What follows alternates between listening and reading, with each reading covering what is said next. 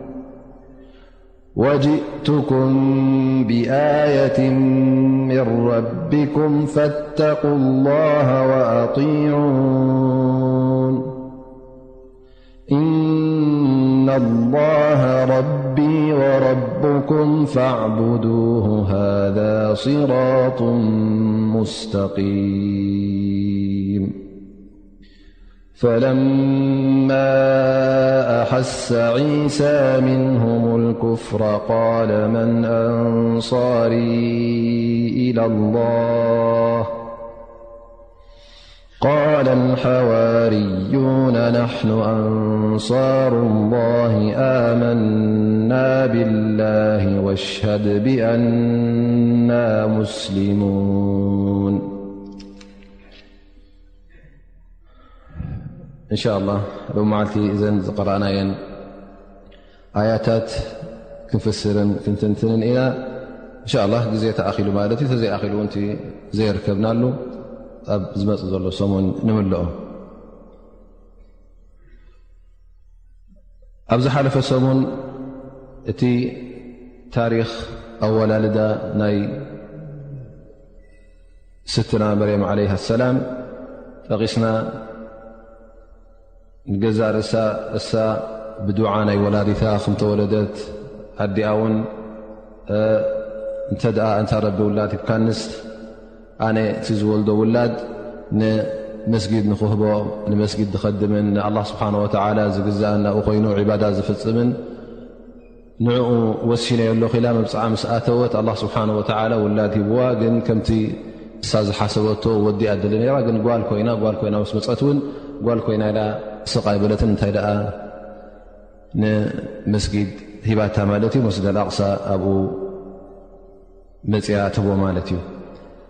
ድሕሪኡ እዛ ቆልዓ እዚኣ እዛ ህፃን እዚኣ ዓብያ ኣብቲ ኣላ ስብሓን ወተዓላ ዝወሰነላ ቦታ እውን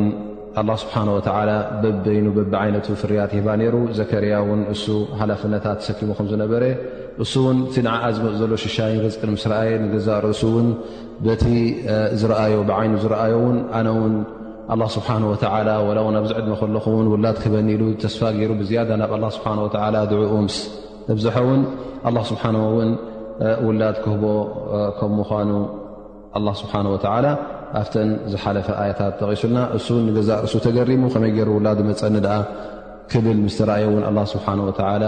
ካብ ኣላ ስብሓን ወተዓላ ምልክት ምስ ሓተተ ኣላ ስብሓን ወተዓላ ምልክት ሂብዎ እኑ ሰለስተ መዓልቲ ከምዘይዛረብ ንክዛረቡ ክእለት ክጎድሎ ከም ምኳኑ ጥዑይ እንከሎ ዘረባ ክኣብዮ ከም ምኳኑ ጠቂስና ነርና ማለት እዩ ኣላ ስብሓን ወተላ እውን ብዝያዳ ኣብዘን ዝመፅኣ ዘለዋ መዓልታት ብዝያዳ ናብ ኣላ ስብሓን ወተላ ተስቢሕ ታሕሚ ትገብር ንኣላ ስብሓን ወተላ ብዝያዳ ክዝክር ከም ዘለዎ ኣላ ስብሓን ወተላ ንሰይድና ዘከርያ ሓቢሩሎም ነይሩ ማለት እዩ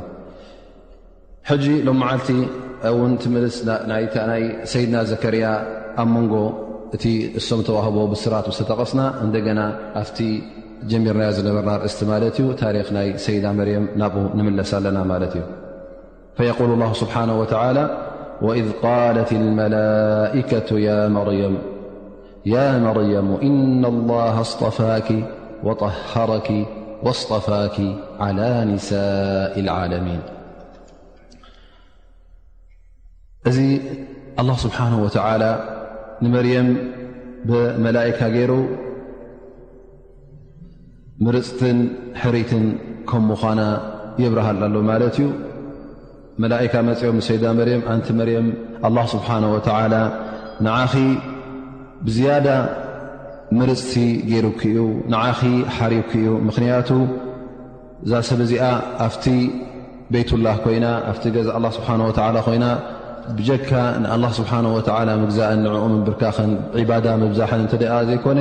ካልእ ነገር ስራሕ ስለ ዘይነበራ ኣላ ስብሓን ወተላ እውን ንዓኣ ከም ዝመረፃ እዞም መላእካ እዚኦም ይሕብርዋ ማለት እዩ ወኢዝ ቃለት ልመላእከቱ መን እዮም እቶም መላእካ እን ዝብሉ ዘለዉ ብጅብሪል ተላኢኹ መፅኡ ማለት እዩ እሱ እውን ሓደ ካብቶም መላእካ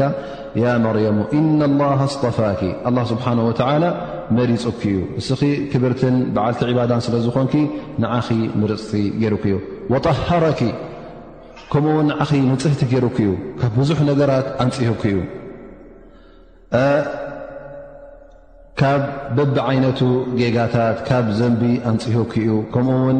ገለ ዕለማ እብሉ ካብ ፅግያት ውን ኣንፅህዋ ዩ ነሩ ፅግያት ይመፃ ኣይነበረን ከምኡ ውን ንመጀመርያ ግዜ ጓል ንሰይቲ ቅድሚኡ ኩሎም እቶም ቤይቱላህ ዝወሃቡ ዝነበሩ ደቂ ተባዕትኦም ነይሮም ማለት ነቲ ቤይቱላህ ክኸድሙን ኣብኡ ዒባዳ ንኽፍፅሙን ኩሉ ግዜ ደቂ ተባዕትኦም ዝወሃቡ ነይሮም እስኺ እውን ንመጀመርያ ግዜ ኣላ ስብሓን ወተዓላ በዚ ዓይነት እዚ ስለ ዝመረፀኪ መጀመርያ ጓ ንሰይቲ ንቤይቱላ ስብሓን ወተዓላ ትኸድምን ንቤይቱላ ስብሓን ወተዓላ ኩሉ ኣላ ስብሓን ወተዓላ ዝፈትዎ 24 ሰዓት ከይቋረፅኪ ትፍፅም ሰለኺ ኣላ ስብሓን ወተዓላ ንዓኺ እውን በዚ ነገር እዚ መሪፁን ንፅህትን ገይሩኪ እዩ ስለዚ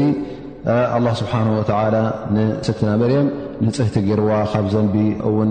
ንፅህቲ ገርዋ ከምኡ ውን ካብ ሰብኣይ ሰብኣይ ውን ንክቐርባ ካብኡ ውን ኣንፅህዋ ይብሉ ማለት እዩ ጥራይ እዚ እውን ኣይኮነን ወስጠፋኪ ዓላ ኒሳኢ ዓለሚን ክመርፀኪ ከሎውን ጥራይ ንዓ ክምርፅቲ እውን ካልኦት መሩፃት ኣለዋ ማለት ኣይኮነን ግን ካብ ናይ ሙሉእ ዓለም ደቂ ኣንስትዮ እውን መሪፁኪ እዩ ኣላ ስብሓን ወተላ እዚ መምረፂኣ ድማ እዛ ሰብ እዚኣ ኣላ ስብሓን ወተላ እቲ ተግባራ ምስ ረኣየ እቲ ዕባዳናታ ምስ ረኣየ ከምኡ ውን ነዛ ሰብ እዚኣ ብዘይ ኣቦ ንኽትወልድ ብድሕሪ ሕጂ እውን ስለ ዝመረፃ ካብ ብዙሓት ደቂ ኣንስትዮ ንዓኣ መሪፅዋ ማለት እዩ ነረን ኣብቲ ግዜኣ ብዙሓት ደቂ ኣንስትዮ ረቢ ዝፈርሃ እውን ነረን ማለት እዩ ግን እሳ ብዝያዳ ዝበለፀትን ዝሓሸትን ስለ ዝኾነት ኣላ ስብሓን ወተላ መሪፅዋ ማለት እዩ ሊክ ኣላ ስብሓን ወላ ዓላ ኒሳ ዓለሚን ዑለማ እብሉ ሃል ዓላ ኒሳ ዓለሚን ካብ ምሉእ ዓለም ካብቲ ኣላ ስብሓን ወተላ ዝኸለቆ ዓለም ክሳዕ ዮም ኣልቅያማ ድዩ ወይስ ዓላ ኒሳእ ኣልዓለሚን ኣብቲ ንሳ ዝነበረቶ ግዜ እዩ ዑለማ ክልተ ርእቶ ብሉ ገለ ዑለማ ኣብሉ ዓላ ኒሳእ ኣልዓለሚን ዓለሚ ዘማንያ ኣብቲ ግዜኣ ዝነበረ ዓለም ሽዑ እያ ምርፅቲ ኮይና ይብሉ ዑለማ ምኽንያቱ ነቢዪ ስለ ላ ለ ወሰለም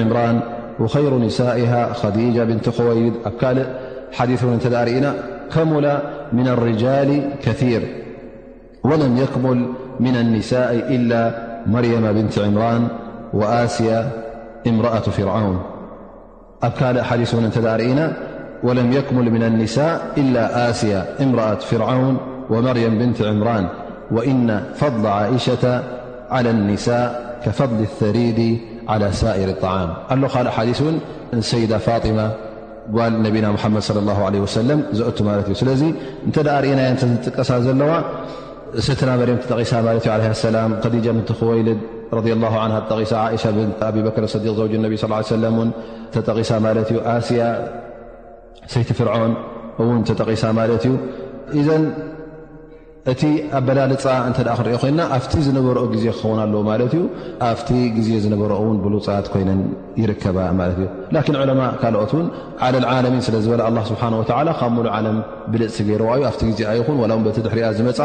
ከምኣ ምርፅትን ብልፅትን የላን ከምኣ ውን ሕሪይቲ የላን ዝበሉ ኣለዉ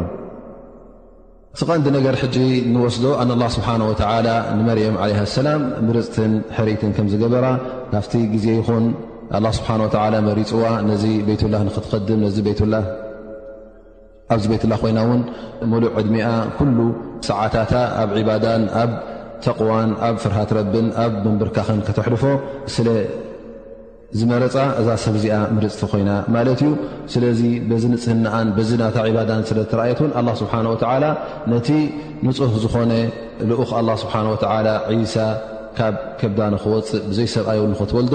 መሪፅዋ ማለት እዩ ንገዛእ ርእሶም እቶም ኣንብያ ምሩፃት እዮም እሞ ከዓ ካብ ከብዳ ምሩፅ ከም ንክወፅእ ብተኣምር እውን ንክወፅእ ኣላ ስብሓን ወተዓላ ነዛ ሰብ እዚኣ ይመርፃ ማለት እዩ ብድሕሪ እዚ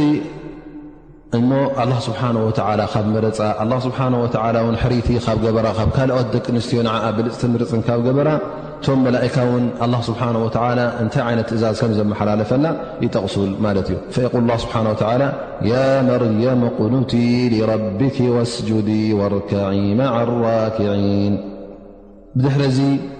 ሰላታ ኮይኑ ርኩዕ ኮይኑ ኣብ ስጁድ ኮይኑ ንኣላ ስብሓን ወተላ ክትብርከኽ ንኣላ ስብሓን ወተላ ደኒና ተደፊኣ ንክትሰግድ እውን ኣላ ስብሓን ወተላ ይእዝዛ ማለት እዩ እሞ ከዓ ያ መርየም ቅኑቲ ይረብኪ ኣልቅኑት ትብሉ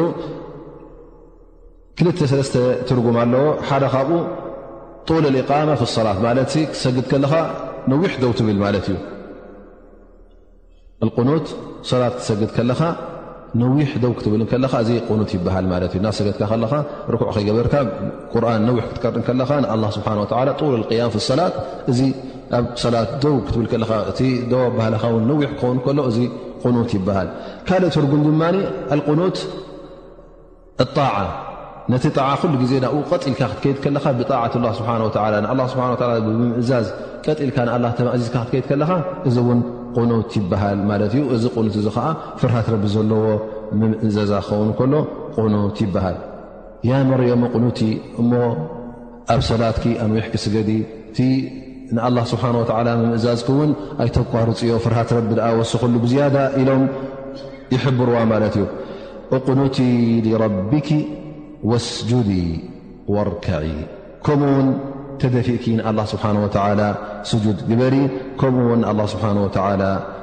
ርኮዕ ግበሪ እዚ ኩሉ ትገብሮ ዘላ ባዳ ትገብሮ ዘላ ኣምልኾት ንኣላ ስብሓን ወተላ ኣብኡ ብዝያዳ ንኸተብዝሕን ኣብኡ ብዝያዳ ንኸተተኩርን ምርፅቲ ካብ ኮነት ኣላ ስብሓ ወላ ካብ መረፃ ነቲ ተመሪፃቶ ዘላ እውን ብዝያዳ ንኣላ ስብሓን ወላ ከተመስግኖ እያ ዘለዋ ድኣ እምበር እሞ ኣነስ ተመሪፀ ኢላ ካብቲ ዝነበራ ባዳ ከተጉድል የብላን እንታይ ደኣ ብዝያዳ ክትውስኸሉ ኣለዋ ልክዕ ከምቲ ነቢና ሙሓመድ صለ ላه ለ ወሰለም ዘንቦም ዝሓለፈ ዘንቦምን ዝመፅ ዘሎ ዘንቦምን ኩሉ غፊሩሎም ምሕርዎም እከሎ ኣላ ስብሓን ወላ ንሕፍሎም እንከሎ ነቢና ሙሓመድ ለ ላه ለ ወሰለም ኣብቲ ዕባዳ ናቶም ክሰጉዱ እንከለዉ ካብ ካልእ ሰብ ዝያዳ ዝበዝሐ እንተ ዘይኮነ ካብ ሰብ ዝወሓደ ይሰጉዱ ይነበሩን ለይቲ ክትስኡ እንከለዉ ክሳዕ እጋሮም ዝነቅዕ ደው ኢሎም ይሰግዱ ነሮም ማለት እዩ እዚ እንታይ ዩ ዘርእካ ሕጂ እነነቢ ስ ሰለም እቲ ተዋሂቦዎ ዘለዉ ብልጫ ብምስጋና ክቕብሮ ነቢ ስ እሻ ረ ን እንታ ነብላ እስኻ ላ ስብሓ ላ ኩሉ ዘንብኻ ዝሓለፈ ዝመፅ ዘሎ ኩሉ ከፊረልካ እናበለካ ምሕረካ እናበልካ እንታይ ኣድኪሙካ እዩ ሙሉእ ለይቲ ከምዚ ኢልካ ክትሰግድ ትሓድር ኢላ ምስ ሓተተቶም እነቢ ስለ ላ ለ ሰለም እንታይ ይብሉ ኣፈላ ኣኩኑ ዓብደን ሸኩራ ኣመስጋኒ ባርያዶ ክኸውን ኣይግብኣንን እዩ ኢሎም ነቢና ሙሓመድ ለ ላ ሰለም እዚ መልሲ እዚ ይብዋ ማለት እዩ እዚ እውን ልክዕ እንታይ እዩ ዘርእየና ኣላ ስብሓን ወተላ ንስትና መርም ካብ መረፃ ንዓ ብረፅቲ ካብ ገበራ እንታይ ክትገብር ዘለዋ ብዝያዳ ምስጋናን ብዝያዳ ናብ ኣላ ስብሓን ወተላ ምቕራብን ተርእላ ማለት እዩ እሞ ሓደ ሰብ እንተ ኣላ ስብሓን ወተላ ወፊቕዎ እተ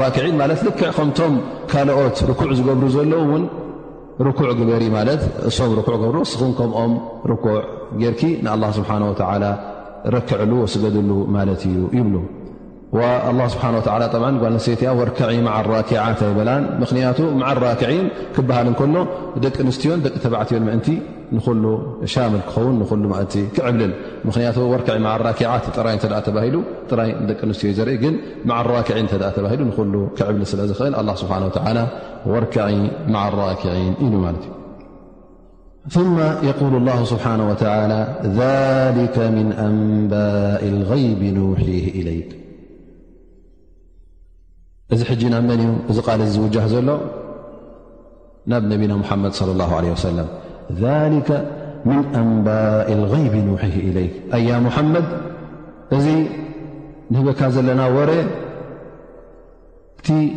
ሕቡእ ወረ ስቱር ዝኾነ ወረ ዘይትፈልጦ ዝነበርካ ወረ እዩ ግን ናባኻ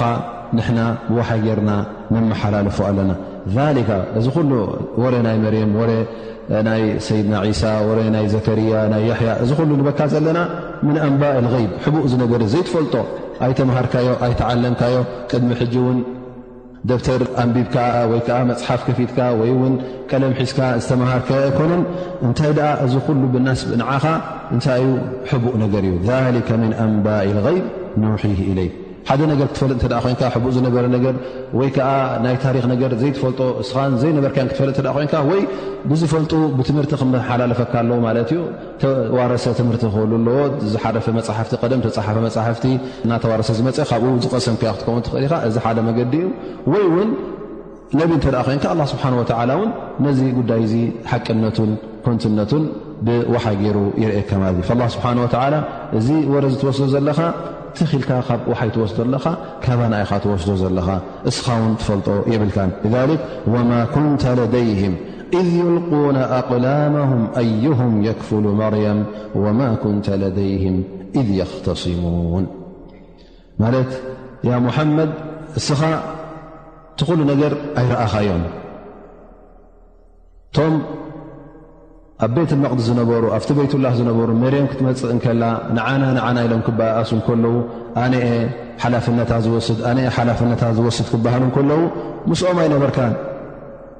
ሽዑ እውን ተሰሓሒቦም ብምንታይ ከም እቲ ጉዳይ ዝፈትሕዎ እውን ወርኦዊ የብልካ ኢዝ የልቁነ ኣቅላማም ኣዩም የክፍሉ መርም እዘ እቲ ኣሽዑ ዝነበረ ኩሉ መን እዩ ዝነገረካ ዘሎ ኣላ ስብሓን ወላ እዩ ዝነብረካ ዘሎ ብዓይልኻ ዝረኣኻዮ የብልካን ስለዚ እዚ ድማ እንታይ ማለት እዩ እስኻ ኣብኡ ካብ ዘይነበርካ ኣብኡውን ካብ ዘይወዓልካዮ እሞ ኸዓ ኣብ ርእሲኡ እውን ቅድሚ ሕጂ ዘንበብካዮ ክታብትን መፅሓፍትን ብዛዕባ ናይቶም ኣህል ክታብ ታሪክ ዘንበብካዮ እውን የብልካን ስለዚ እዚ ጉዳይ እዚ ብምንታይ እዩ ዝመፀካ ዘሎ ብወሓይ ይመፀካ ኣሎ እዚ እውን ንመን እቲ መልእኽቲ ዝወሃብ ዘሎ ብርእሲ እዙ እቶም እስኻ ነቢ ኮንካን ዝብሉ ዘለዉ ዝወሃበካ ሸርዒ የለን ነቢ ኮንካን ዝብልካ ዘለዉ ንዕኦም ተኣምር እዩ እሞ እስኻ ኣብቲ ግዜቲ ነበርካ ኣይወዓልካዮን ኣይረኣኻ ኣይሰማዕካ እሞ ሕጂ እቲ ወረ ከምቲ ዝነበረ ክተምፅኦ እንከለኻ እዚ እንታይ እዩ ዘርኢ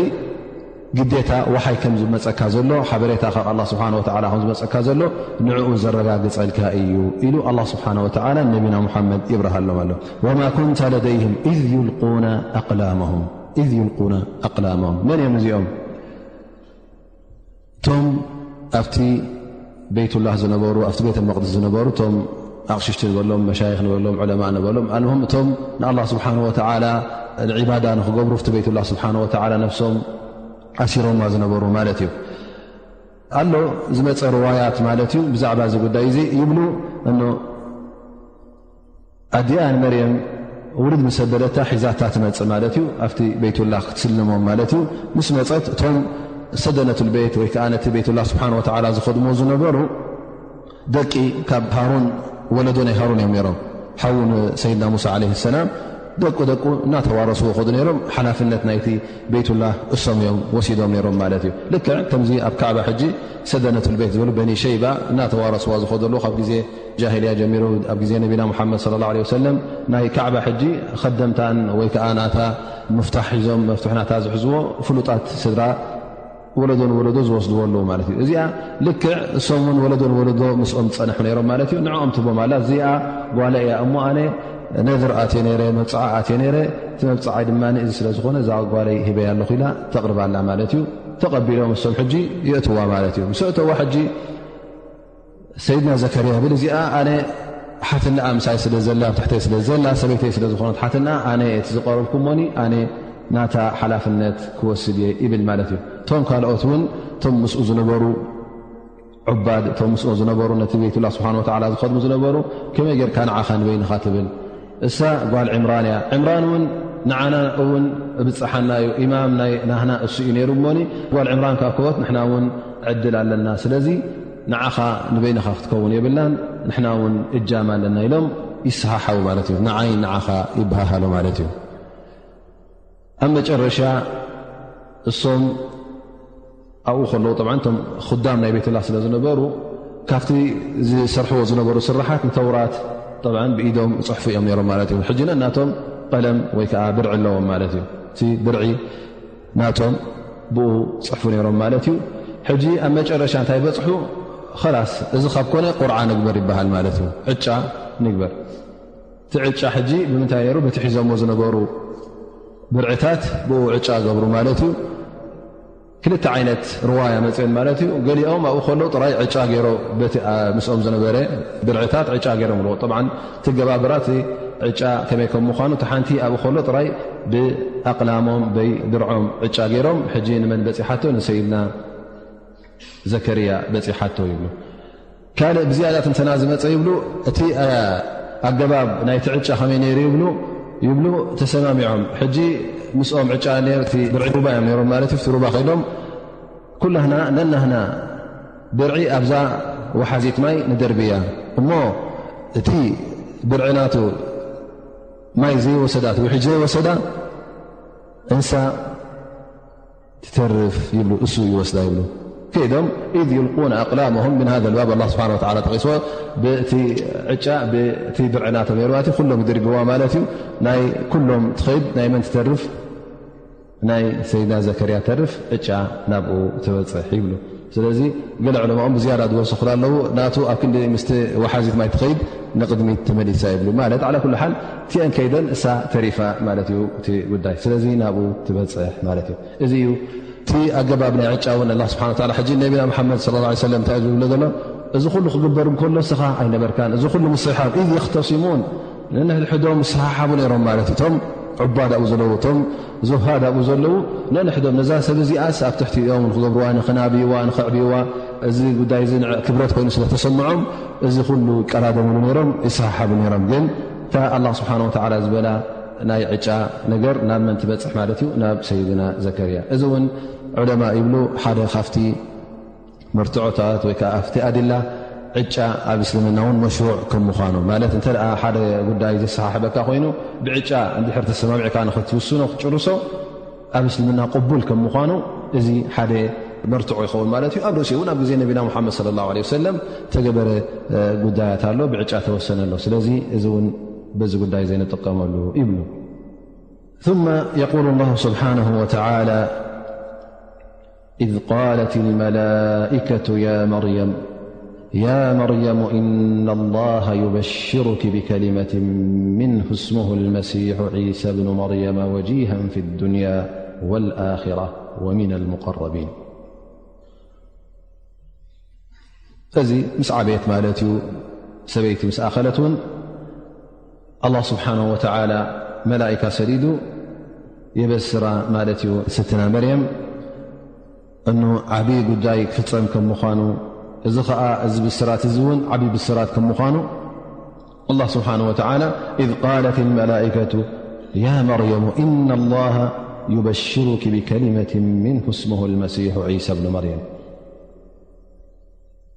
ማለት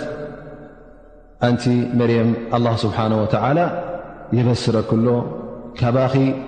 ኣልመሲሕ እብኑ መርየም ዝበሃል ክውለድ ከም ምዃኑ እሱ እውን ብቃል ኣላ ስብሓን ወተዓላ እዩ ዝውለድ እሱ እውን ብቃል ኣላ ስብሓን ወተዓላ እዩ ዝውለድ እታ ቃል ማለት ኣላ ስብሓን ወተዓላ ኩን ብዝበላ ዝውላድ እዙ ክኸውን ማለት እዩ ኣላ ስብሓን ወተዓላ ጅብሪል ሰዲዱ እዚ ተላኣይኹ ዝመፀ ድማ ጅብሪል ናብ ሰይዳ መርየም መፅኡ እንታይ ገይሩ ይብሉ ፊ ጀይቢ ደርዒሃ ነፈታ ፍያት ኡፍ ኢሉላ ማለት እዩ ኣብ ውሽጢ ጀብ ማለት እዚ ክሳትካ ተእትወሉ ትሕቲ ኳሌታ ዘሎ ማለት እዩ ብኡ ኡፍ ኢሉላ በዛ ኡፍ ዝበላ ከም ሰበብ ኮይና ድማ በቲ ኣላ ስብሓን ወላ ኮን ዝበሎ ሰብኣይ ከይቀረባ እንከሎ ክትወልድ ከም ምዃና የበስራ ማለት እዩ እቲ ውላድ እስሙ መሲሕ ከም ዝስመ መሲ ለቐብ ናቶ ዩ ሳ ድማ ሽሙ ማለት እዩ ዒሳ ብኑ ማርያም ዒሳ ወዲ መርያም ማለት ሕጂ እንታይ ዘርእካ ዘሎ ኣቦ ከም ዘይብሉ ላ ስብሓ ወላ ይበይን ሁና እ ኣቦ ከም ዘይብሉ ወዲ መርም ክስመ ከም ምኳኑ ወዲ መርም ክስመ ከሎ ማለት ድማ ኣቦ የብሉን ማለት እዩ ሳ ብኑ መርያም ወጂሃን ፊ ዱንያ ወጂሃን ፊ ዱንያ ሕጂ በብ ዓይነቱ ኣላ ስብሓን ወተዓላ ከምፃልና እዩ እቲ ኩሉ መዝነትን እቲ ኩሉ ሽመትን እቲ ኩሉ ክብረትን ዝወሃቦ እቲ ኩሉ እዚ ኩሉ ሕጂ ዝያዳ ንመርየም ከበስር ማለት እዩ እምበር ንዓኣ እቲ ጉዳይ ኣሰንቢድዋ እዩ ዘሎ ምኽንያቱ ድሕሪ እውን ክመፀና እዩ እታ ትመፅ ዘለኣያ ክንሪኣ ኢና ከመይ ገረ ክወልድ እዚ ነገር ዘይከውን ኢላ እውን ምስቲ ዘበስራ ዘሎ መላካ ውን ዘረባ ክትመላለስ ከላ ክንሪያ ግን ንዓ መጀመርያ ኣሰንባዲ ከም ምኳኑ ግን ብዝያዳ ኣላ ስብሓን ወተላ ኣበስሃሪ ከም ምኳኑ ብዙሕ ሰናይ ከም ዘለዎ ብዙሕ ሽመት ከም ዘለዎ ብዙሕ ክብሪ ከም ዘለዎ ኩለንተን ዝመፃ ኣያታት እዚ ነብ እዚ ከመይ ዓይነት ከም ምኳኑ እንታይ ሒዙ ከም ዝመፀ መልእኽቱ እንታይ ከም ምኳኑ እንታይ ዓይነት ክብረት ከም ዘለዎ ኣላ ስብሓን ወተላ የምፃልና ማለት እዩ ፈየቁል ላ ስብሓን ወተላ መጀመርያ ንሰበሰራ ቀዳማይ ነገር ስሙ ይውስነላ ማለት እዩ እስሙሁ መሲሑ ዒሳ ብን መርያም ማለት ኣልመሲሕ ብኡ ክፍለጥ እዩ ማለት እዩ ብዝያዳ ከም ሳጓ ና ለቐብ ና ማለት እዩ ኣብ ኣዱንያ ብኡ ይፍለጥ ማለት እዩ ኩሎም እቲ ሙእሚን ኮይኑ ካልእ ክብሉ ክፈልጦ እዩ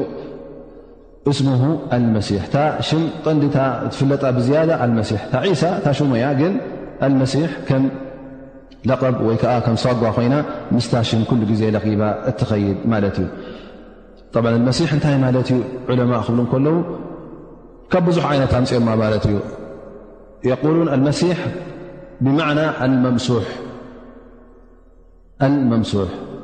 ኣው ብማዕና ኣልማስሕ ክልተ ወይ መሲሕ ብማዕና ብትርጉም ናይ ተደራዚ ወይ ደራዚ እንድሕ ክተምፅኣ ኮንካ ብክልቲኡ ትርጉም ትህብ እያ ይብሉ እዚ ድማ ካበይ መፅኡ ይብሉ ኣን ላ ስብሓን ወላ መሲሕ ዝበሎ ኣን ጅብሪል ዓለ ሰላም ብጀናሕ ናቱ ወይ ከዓ ብክንፊ ናቱ ገይሩ ሰይጣን ንኸይ ትንክፎ ስለ ዝደረዞ እዩ ይብሉ እዚኣ ሓንቲ ትርጉም ከምኡ ውን መምሱሕ ብልበረካ ብበረካ ተገሪዙ ከምኡ ውን ይብሉ መምሱሕ ወህዋ ካብ ከብዲ ኡ ክወፅእ እንከሎ ውን ተቐቢኡ ብቕብኣት ተደሪዙ ወፅኡ እዚ ኩሉ ሕጂ ኣይ ናይ ትርጉም ዝህብ ዘሎ እቲ ናይ ድሩዝ ትብል ወይ ከዓ ደራዚ ዘራዚ ክበሃል ከሎ ድማ እ ባዕሉ እሱ ዝኾነ ነገር ንዝኾነ ሕሙም ንዝኾነ በዓል ኣበር ክደርዞ ከሎ ፍፁም ይሓዉ ነይሩ ማለት እዩ እዚ እውን ሓደ ትርጉም ማስሕ ማለት ከም ደራዚ ኮይኑ ወይ ውን መሳሓ ኣርዳ ማለት ንመሬት ን ላዕልን ታሕትን ስለ ክብለላ ስለዝኾነ ማለት ነዛ መሬት ናብ ኩላ ንክበፅሕ ከም ምኳኑ ይጠቕሰላ ኣሎ ማለት እዩ ንኩላ መሬት ክደርዛ ከም ምኳኑ መሳሓ ኣኣርድ ሕጂ ክበሃል ከሎ ንኩላ መሬት በፂሕዋ ማለት እዩ እዚ እዩ እቲ ካብቲ ትርጉማት ናቱ ግን እታ ብዝያዳ ዝውትርቲ ዝኾነት ትርጉም እኑ መሲሕ ማለት እንተ ዝኾነ ነገር ንዝኾነ ሕሙም ንዝኾነ በዓል ኣበር እንተ ደሪዝዎ ብፍቓድ ኣላ ስብሓን ወተዓላ እዚ ሰብ እዚ እዚ በዓል ኣበር እዚ ይሓዊ ነይሩ ስለዚ እዚኣ ያታ ብዝያዳ ፍልጥትን ውርይትን ትርጉም ዒሳ ብኒ መርያም ማለት ኣቦ ከም ዘይብሉ ጠቒሱላ ማለት እዩ ወጂሃን ፊ ዱንያ ኣብ ኣዱንያ ንገዛእ ርእሱ ዓብዪ ክብርን ዓብዪ ፈቶትን እቲ ሒዝዎ ካብ ኣላ ስብሓን ወተዓላ እውን ሽርዒ ሒዙ ክመፅእ ከም ምኳኑ ነቢ ከም ምኳኑ ነቢ ኩሉ ግዜ ኣብ ኣዱንያ ክቡር እዩ ዝኸውን እዩ ምክንያቱ ምስ ኣላ ስብሓን ወተላ ርክብ ዘለዎ ስለ ዝኾነ ኣብ ኣዱንያ ሰብ ይፈትዎ ኣብ ኣዱንያ ንሰብ ንኼር ይመርሕ ንመገዲ ሓቂ ይመርሕ ስለዚ ዓብ ክብረት ዘለዎ ዩ ክኸውን ኣብ ኣዱንያ እዚ ሕጂ ዓብ ሽመት እዩ ሓደ ሰብ ኣላ ስብሓን ወላ መሪፅዎ ኣብ ኣዱንያ ነቢ ክገብሮ እንከሎ ኣብ ኣዱንያ ሕጂ ዓብ ክብረት ይረክብ ኣሎ ማለት እዩ ወጅሃን ፊ ዱንያ ኣብ ኣዱንያ ጥራይ እውን ኣይኮነን ኣብ ዮም ቅያማ እውን ኣላ ስብሓን ወላ ወፊ ልኣክረት ወጅሃን ዓብ ክብረት ከም ዘለዎ እቲ ክብረቱ ከ እንታይ ይብሉ ኣብ ኣላ ስብሓን ወላ ኣብ ዮም ቅያማ ሸፋዓ ክወይ ንክሽፋዕ ፍቓድ ክውሃብ ከም ምኳኑ ልክዕ ከምቶም ኡሉልዓዝም እብራሂም ኑሕ ሰይድና ሙሓመድ ዓለ ሰላም እዞም ሰባት እዚኦም ሸፋዓ ከምኡውን ሰይድና ሙሳ ሸፋዓ ንኽገብሩ ኣብ ዮም ኣልቅያማ ፍቀዶም ስለ ዝኾነ እሱ እውን ልክዕ ከምኦም ኣብ ዮም ኣልቅያማ ሸፋዓ ክወሃብ ከም ምዃኑ ሰብ ክሽፋዕ ከም ምዃኑ እዚ የብርሃ ኣሎ ኣብ ዮም ኣልቅያማ ን ወጃሃ ኣሎ ቅድሚ ኣላ ስብሓን ወተዓላ ቅቡል እዩ ኣብ ቅድሚ ኣላ ስብሓን ወተዓላ ክቡር እዩ ኣላ ስብሓን ወተዓላ ብዓይኒ ክብርን ብዓይኒ ምእዘዛን እዩ ዝርኦ ድኣ እንበረይ ትሑት ኣይኮነን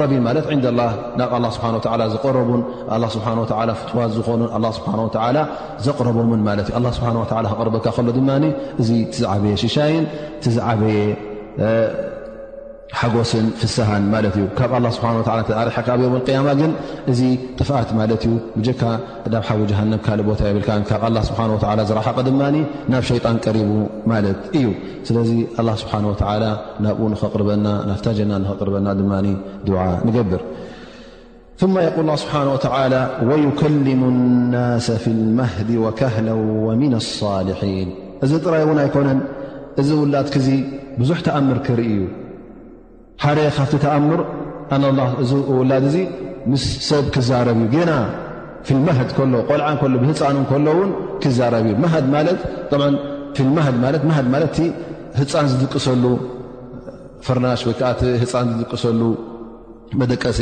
ማለት እዩ እዚ ሕጂ መሕቆፍ እዩ ማለት ነቲ ቆልዓ ዝሕቀፈሉ ጨርቂ መርቂ እሱ ሕጂ ማሃድ ይበሃል ማለት እዩ እዘን ገና ኣብቲ ሕቕፈ ከሎ ህፃን እንከሎ ዝሰብ እዚ ሽዑ ክዛረብ ከም ምኳኑ ንሰብ ክዛረቦ ከም ምኳኑ እቲ ዘረባ ውን ይብሉ ዑለማ ኣይ የድዑ ኢላ ዕባደት ላ ወላ ውን ብንእሽጡ ከሎ ብቆልዑ ከሎውን ዘረባ ዝዛረቦ ዳዕዋ ላ ስብሓን ወተላ እዩ ኣላ ስብሓን ወተላ ሓደ ከም ምኳኑ ሽርካ ከምዘይብሉ ኣላ ስብሓን ወተላ ውን ልኡኽ ክገብሮ ከም ምኑ ምሩፅ ከም ምኑ እንሻ ላ ኣብ ሱረት መርም ብዝያዳ እውን ትንተና ክመፅ እዩ ግን ተቐንዲ ነገር ኣብዚኣ ንመዓልቲ ዘለናያ ኣላ ስብሓን ወተላ ገና ብህፃኑ ከሎ ከም ሙዕጅዛ ከም ተኣምር እዚ ነገር እዚ ክረአ ከም ምኳኑ ገና ትብስር ኣላ ማለት እዩ ከምኡ ውን ወካህላ ከምኡ ውን ምስ ዓበየ ሒና ካህል ማለት ጉብዝነትካ ምስ ወዳእካ ላስ ምስ በሰልካ ማለት ድሕሪ ኣር ዓመት ዘሎ ዕድመ ይኸውን ማለት እዩ ሽዑኡ እውን ክዛረብ ምስ ሰብ ዳዕዋ ንክገብር እዩ ንመገዲ ር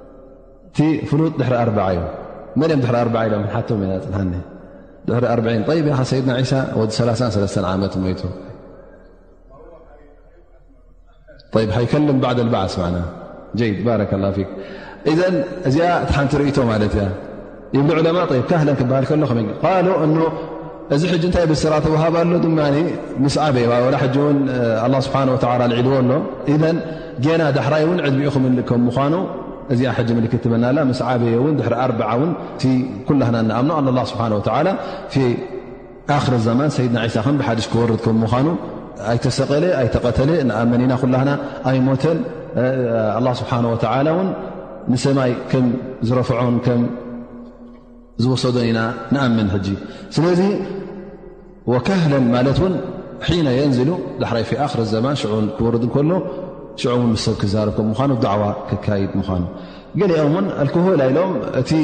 ምብሳል ዓይነት ስለዝኾነ ግዜ ብስለት ማለት ስለ ዝኾነ ይብሉ ዕለማ እቲ ዕድሚኡ 333 ዓመት ከሎ ክሳዕ እቲ ዘን ዓመታት ዝነበረን ብድሕሪ ኣላ ስብሓን ወላ ምልኣኹ ብ መብዝሕቶም ወይ ኩሎም ኣንቢያ ኣብ ኣርዓ ዓመት እዮም ዝለኣኹ ነሮም ግን ናይ ሰይድና ዒሳ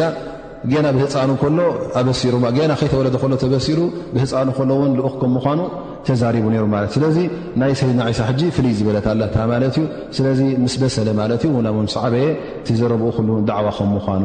ስለዚ ሰይድና ዒሳ ሓንቲ ተኣምር ምስ ዓበኻ ወዲ ርዓ ምስ ኮንካ ወይ ወዲ ሰላ ወ 2ሓ ክንዲሰብ ምስ ኣኸልካ ክትዛረብ ከለኻ ዳዕዋ ክትገብር ከለኻ እዚ ዘደንቕ ነገር ኣይኮነን ግን እቲ ዘደንቕ ገና ህፃን እንከሎ ክወልድ ከም ክዛረብ ከም ምዃኑ ሕጂ እውን ብድሕሪ እቲ ኣላ ስብሓን ወተላ ንሰይድና ዒሳ ካብ ምድሪ ንሰማይ ምሰልዓሎ እቲ ካልእ ተኣምር እውን ሕጂ ዮም ድሕሪ ኣክረ ዘማን መጨረሻ ዓለም ክወርድ ከም ምዃኑ እዚ እውን ሓደ ተኣምር ማለት እዩ ኣብ ክልተ ዓይነት ተኣምር ኣለዋ ማለት እዩ ከምቲ ኣብ ሓዲስ ዝመፀ እውን እቶም ብህፃኖም ተዛረቡ ህፃናት ነቢ صለ ላه ለ ወሰለም ጠቒስዎም ነይሮም ሓደ ካብኦም መን እዩ ሰይድና ዒሳ ዓለ ሰላም ካልኣይ ይ ሳሕቢ ጁረጅ ትፈልጡ ኢኹም ሳሕቢ ጁረጅ ኣሕፅር ኣቢልናታ ዛንታናቱ ክንጠቅስ ጁረጅ ዝበሃል ካብቶም በን እስራኤል እዩ ነይሩ ሳልሳይ እውን ኣሎ መን እዩ ኣስሓብ ልእክዱድ ኣሎ ራብዓይ እውን ኣሎ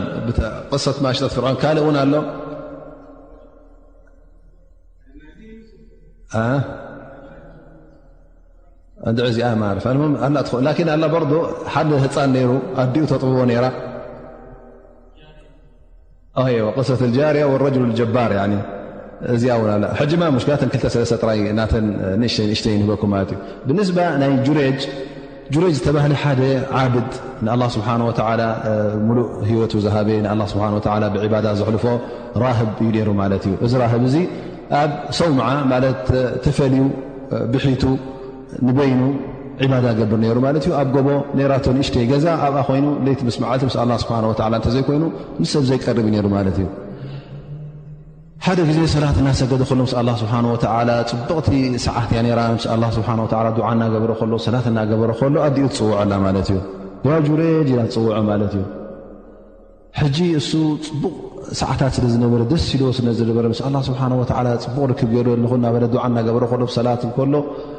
ይኣላ ኢሉ ሰላት ዛ ሰላት ኣይቆርፃ ዛ ፅብቕ ጥዕምቲ ሰላት ዶ ወላ ነደይ ወህይለ ክምልሰላ ኢሉ ምስ ነብሱ ዛረብ ማለት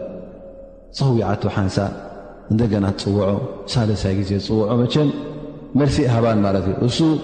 እታ ጉዳይ ገና እናሓስበላ ከሎ ኣደይዶ ዛ ሰላተይ እናበለ እሱ ሕጂ እታ ሰላት ዝያዳ ኣጅር ኣለዋ ኢሉ ይሓሲብዎ ማለት እዩ እዛ ኣዲኡ ትኽርላ ማለት እዩ ብጣዕሚ ትቁጣዓላ ሕጂ እንሻ ላ ኢላ ንዓኻስ ረቢ ዘመውቲ ከይርኣየካ ይቕተልካ ኣይውሰድካ ኢላ ዱዓ ትገብር ኣላ ማለት እዩ ኣ ስብሓ ወላ ድዓ ኣልዋልዴን ኩሉ ግዜ ኩላና ክንጥንቀቐሉ ኣለና ንውላድና ኮይኑ ንና ድዓ ክንገብረሎም ኣንፃሮም ክንጥንቀቕ ኣለና ንና እውን ወለድና እ ወለድና ኣለዉ ኮይኖም እውን ንኦም ኩሉ ግዜ ክንቆጥዖም የብልናን ኩሉ ግዜ ሰናዮም ክንገብር ኣለና ምክንያቱ እንተ ሓንሳ ቆጥዕካ ብ ሕማቕ ሰዓት እተ ድዓ ገይሩልካ ምናልባሽ እዚ ድዓ እዚ ኣላ ስብሓን ወላ ሰዓት እጃባ ትኹን ኣላ ስብሓን ወላ ድዓ ዝቕበላ ሰዓት እተ ኮይና ብጣዕሚ እዛ ነገር እዚ ኣስጋኢት ስለ ዝኾነት ኩሉ ግዜ ካብ ድዓ ወለዲ ናይ ኣዲኻ ኮይኑ ኣቦኻ ኮይኑ ክንጥንቀቕ ኣለና ማለት እዩ ስለዚ እዛ ኣዲኡ እዚኣ ተቆጢዓ እዛ ድዓ ኣገራ ትምለሳ ኣላ ማለት እዩ መዓልታት ይኸይድ ዝሓልፍ ይመፅእ ሓንቲ መዓልቲ ሓንቲ ረቢ ዘይፈተወላ ኣመንዝራ ማለት እዩ ትመፅእ ማለት እዩ ነዚ ሰብኣይ እዚ ከተጋብዮ ትፍትን ማለት እዩ ላኪን ኣላ ስብሓን ወተላ ብዓኸ ስለ ዝነበረ ካብዛ ፊትና ናታ ካብዛ ኣመንዝራ እዚኣ ረቢ የፅዋ ኣልግሲ ኢልዋ ኣርሒቕዋ ማለት እዩ ከይቀረባ እሳ በትን በትን መፅያ ፈቲና ቀሺሻ ቢላቶ ኣም ምንም ቅጭጭ ኣይበሎን ማለት እዩ ሕጂ ሓሪቓ ትወፅእ ማለት እዩ ካብኡ ትኸይድ ኣብ መንገዳ መን ትረክባላ ሓደ ጓሳ ትረክባላ ሓደ ጓሳ ረኪባ ንኡ ከም ገረገራ ሰም እሱ ድላ ይፍፅም ማለት እ ጓሳ ጠኒሳ ማለት እዩ ወዲ መን ይብልዎ ኣለዉ እዚ እዚኣ ወዲ ጁሬጅ ከምን ከምዝና ኢሉ ሓንቲ መዓልቲ ምስ ሓዲረ ምስ ከምዝገይረ እዚ ውላድ እዚ ናቱ እዩ ትብል ኣላ ማለት እዩ ናቱ ኢሎም ሕጂ ኩሎም ቶም ዓዲ እዚ ሰብ እዚ ንዓና ክዕሽወና እዚ ሰብ እዚ ፈታው ረቢ መሲሉ እዚ ሰብ እዚ በዓል ዕባዳ በዓል ሰላት ኣምሲሉ ንዓና ክቕሽሸና ኢሎም ሕጂ ከይዶም ፅሎ ጎቲቶም ብሉ ብናገረፉን ነታ ደገፍ ኢልዋ ዝነበረ ገዝኡ ንዓ ኣፍሪሶም ሕጂ ጎቲቶም የምፅዎ ኣለዉ ማለት ዩ ይሃርምዎ ይቕጥቅጥዎ ሕጂ እሱ ተገሪሙ ማለት እዩ እንታይ ከም ኮንኩም ኢልዎ እስኻ ዝገበርካዮ እስኻ ከምዚ ከምዝኣመሰልካ ኢሎም መቸም ይነግርዎ እቲ ጉዳይ እስኻ ከምዚ ጌርካ ኣበይ ዶ ትቆልዓ ኢልዎ ፅወሲ ክንሪኦ ኢልዎ ወደይቲ ኮይኑ ኣነ ፈልጦ ኢልዎ ይመፅእ ኣሎ ምስ መፀት ቆልዓ ይብሎ መን ይቦካ እንታ ቆልዓ ብሎ ኣነ ኣ ኣቦይ ፍላን ፍላን ኢሉ ትቆልዓ ማለት ገና ብዕሸሉ ከሎ ብቆልዑ ከሎ ይዝካኢና ኢልዎ ወርቂ ትንደቑለይ ገለይቲ ነዳቕ ከምታ ዝነበረታ በታ ጭቃን ሓመድን በታ እምንን ብኣ ጌርኩም ግደፍሉ ኢሉ ሕጂ እንታይ እዩ ዘርእና ክልተ ደርሲ ኢና ንወስድ ሓንቲ እታ ተኣምር ኣላ ስብሓን ወተዓላ ዝገበራ ቆልዓ ብህፃኑ ገና ከሎ ከዛረቦ ከም ዝኽእል ኣብ ርእሲኡ እውን እታ ዱዓ ናይ ወለዲ ብጣዕሚ ኣስጋኣይትን ብጣዕሚ ሓደገኛን ከም ዝኾነትን ተርእየና ኣላ ማለት እዩ ከምኡ እንታ ካልኣይቲ መረፅናያ ማለት እዩ ናይ እቶም ህፃናት ተዛረቡ ኣብ ግዜ በን እስራኤል ዝነበረ እዩ ሓንቲ ወላዲት ማለት እያ ቆልዓ ሓቂፋ ከላ ጠቡ ነይሩ ማለት እዩ ጠቡ ከሎ ኮፍ ኢላ ናጥቦቶ ከላ በዚ ቅድሚኣ ሓደ ፈረሰኛ ማሰዕላ ፈረስ ተሰቂሉ ናሓረፈ ኸሎ ናጋለበ ኸሎ እንታይ ዝመስል ሰብኣይ ምልኩዕን ግሩምን ሰብ ሪኣ ብድሕሪኡ ክንደይ ሰባት ዓሳክር ሓለዋን ገለምታን ዘለዎ ትሪኦ ኣላ ሽመት ዘለዎ ዓብ ሰብ ምስራኣየት ኣንታ ረቢ ዝወደይ ከምዚ ሰብኣይ ዝግበረለኢላ ዱዓ ትገብር ማለት እዩ እዚ ቆልዓ እዚ ሕጂ ጠቡብ ነይሩ ነታ ጡብ ኣውፅእ ኣቢሉ ኣንታ ረቢ ከምኡ ትግበረኒ ኢሉ ይምልስ ማለት እዩ ኣዲኡ ሕጂ ትስምብደለ እንታይ እዩ ዝቆልዓ ዝበል ኢላ ማለት እዩ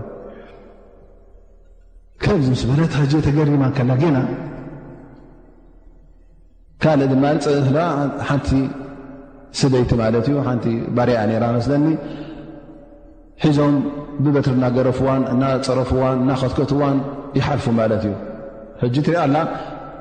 ዝኾነ ይኹን ሰብ እዚ ነገር ዝኽርኡ ከሉ ሕጂ እንታይ እዩ ዝብል ነዚ ነገር ዝትምነ ነገር የለን ወድኻ ክግረፍ ክህረም ክብል ግን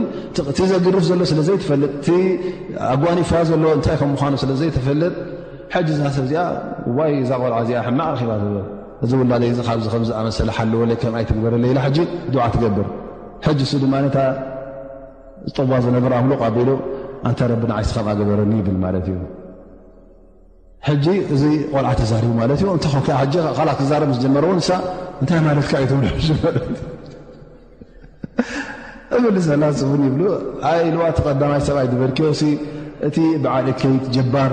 ንሰብ ዝዘልምን ወፃዕ ሰብን እዚ ኩሉ ረኪብዎ ዘሎ ሽመት ብሓቂ ኣይኮነን መንገዲ ሓቂ ዝሓዘ ኣይኮነን እንታይ ደኣ ብዙልምን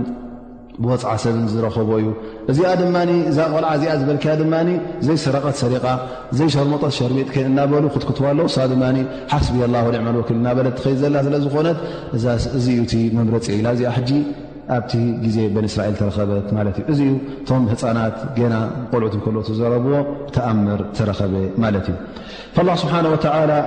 ንሰትን ዓይሻ እዚ ቆልዓ እዚ ወዩከልሙ ናሰ ፊ ልማህዲ ገና ብቆልዑ ከሎ ብህፃኑ ከሎ ንሰብ ክዛረብ ከም ምኳኑ ምስ ዓበየ እውን ከምኡ ውን ወምና ኣሳልሒን ካብቶም ብፁኣን ካብቶም ኣላ ስብሓን ወላ ዝፈትም ካብቶም መገዲ ረቢ ዝሓዙ ኩሉ ተግባራቶም መገዲ ር ከምዝኾነ ኩሉ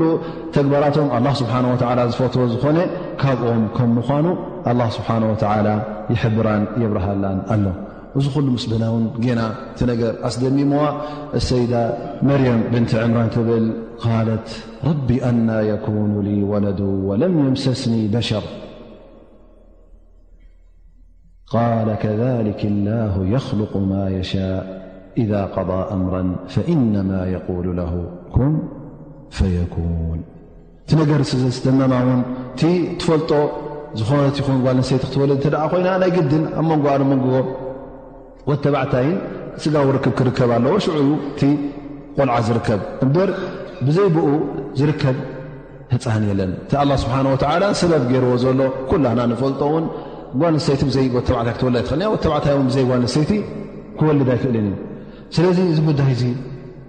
ኣሸጊርዋ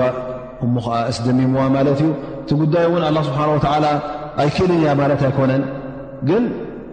ሸክ ኣይኮነን ጠርጢራ ኣይኮነትን እዚ ነገር እዚ ኣይከውንን እዩ ዘበት ኢላ ኣይኮነትን እንታይ ደኣ ከም መስደመም ኮይኑ ስለ ተሰምዓ ከመይ ገይሩ ዝነገር ዝኸውን ኢላ ሓጂ ተገሪማ ማለት እዩ ከመይ ገይሩ ካባይ ኣይ ተመርዓኹ ወላ እውን ንክምርዖ ገዛ ርእሰይ ንያ የብለይ ከምኡ ውን ኣነ ዘማዊት ኣይኮንኩን ዝቐረበኒ ሰብ የብለይ ብሓላል ኹን ብሓራም ሲ ኣነ ፈፂመ ዝገበርክዎ የለን ትብል ማለት እዩ ነዚ ኩሉ ነገር ካብዘይ ሃለወስ ከመይ ጌር ኣነ ይወልድ ሳን ገዛ ርእሳ ከምቲ ዝብልናዮ ኣዲኣ ከም መብፅዓ ንገፀ በረከት ንምንታይ እያ ተዋሂባ ራ ንቤትላ ስብሓ ተዋሂባ ኣብኡ ስለ ዝኾነት ንኣላ ስብሓ ወ ዕድሚኣ ኩሉ ንክድመት ላ ስብሓ ወ ክተሕልፈ ዘይኮይኑ ንክትምርዖን ንክትወልድን ገለምታት እዚ ኩሉ ኣብ ሓሰባ ኣይነበረን እዚ ነገር እዚ ሓድሽ ወደቓ ኮይኑ ስለ ተሰምዓ እዚ ነገር እዚ እውን የስደመማ ማለት እዩ ኣና የኩኑ ሊ ወለዱ ወለም የምሰስኒ በሸር ዘንከፈኒ ሰብ እውን ፈፂሙ የለን ኢላ ነቲ መላካ ትምልሰሉ ማለት ላኪን እቲ መላካ እንታይ ብል ከሊከ ላ የክልቁ ማ የሻ ኣላ ስብሓን ወላ ከምዚ ከምድላ እዩ ዝደለየ እዩ ዝኸልቕ ንኡ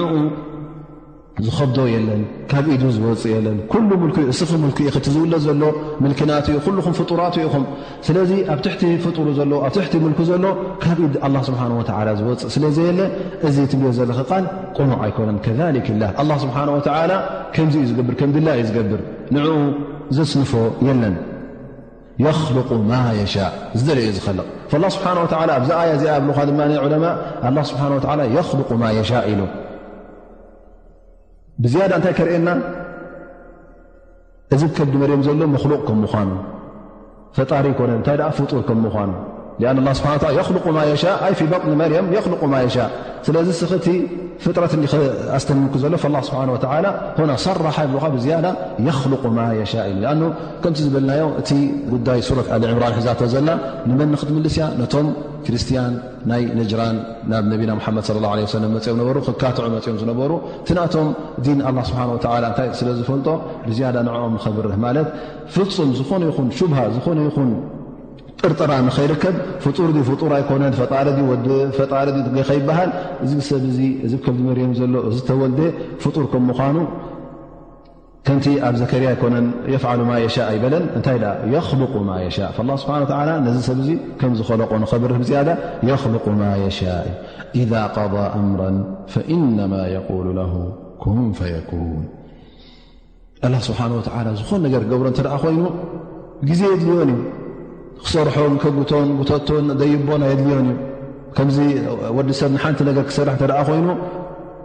ከም ብሓድሽ ብንእሽተይ ክጅምር ኣለዎ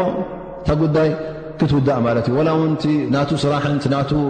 ኣሰራርሓን ውን ላ ውን ትሑት ይኹን ግን ግዜ የድለ ዩ እበር ባዕሉ ብዘይ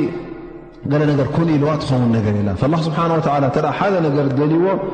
ኩን ይብሎ እሱ ውን ከይደንጎይ ኣ ስብሓ ዝወሰና ሰዓትን ኣ ስብሓ ዝወሰና ቦታን ኣ ስብሓ ዝወሰና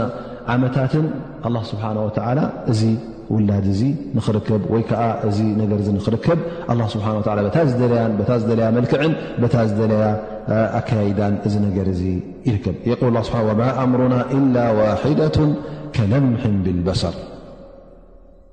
ማለት ዝኾነ ይኹን ትእዛዝ ኣላ ስብሓን ወላ ክርከብ ከሉ ልክዕ ከለምሒን ብልበሰር ማለት ከምዚ ዓይነኻ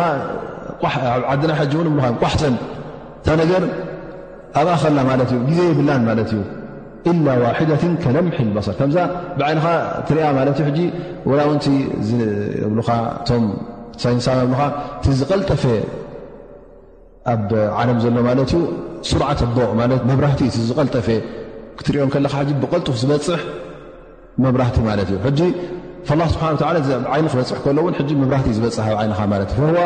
ካብኡ ውን ብዝያዳ ዝቐልጠፈ ዋላ ግን ንስኻ ዝያዳ ንክትርድኦ ኣላ ስብሓ ወላ በታ ትርድኣ ገይሩ ቅሪብልካ ማለት እዩ ወማ ኣምሩና ኢላ ዋሒደቱ ከለምሕን ብልበሰር ልክዕ ግዜ ትወስድን ማለት እዩ ፈፂማ ውን ምድግጋም ኣይደልን እያ ፈፂማ ውን ሓንሳ ትኾነሉን ሓንሳ ኣይትኾነሉን ኣይትበሃልን እያ ላ ስብሓን ወላ ንድሕሪ ሓደ ነገር ኩን ኢልዎ ኣላ ስብሓን ወላ ዝበሎ ክውን እዩ ዝኸውን ቋሕ ሰም እዩ ማ የቁል ላ ስብሓን ወላ ብዝያዳ እዚ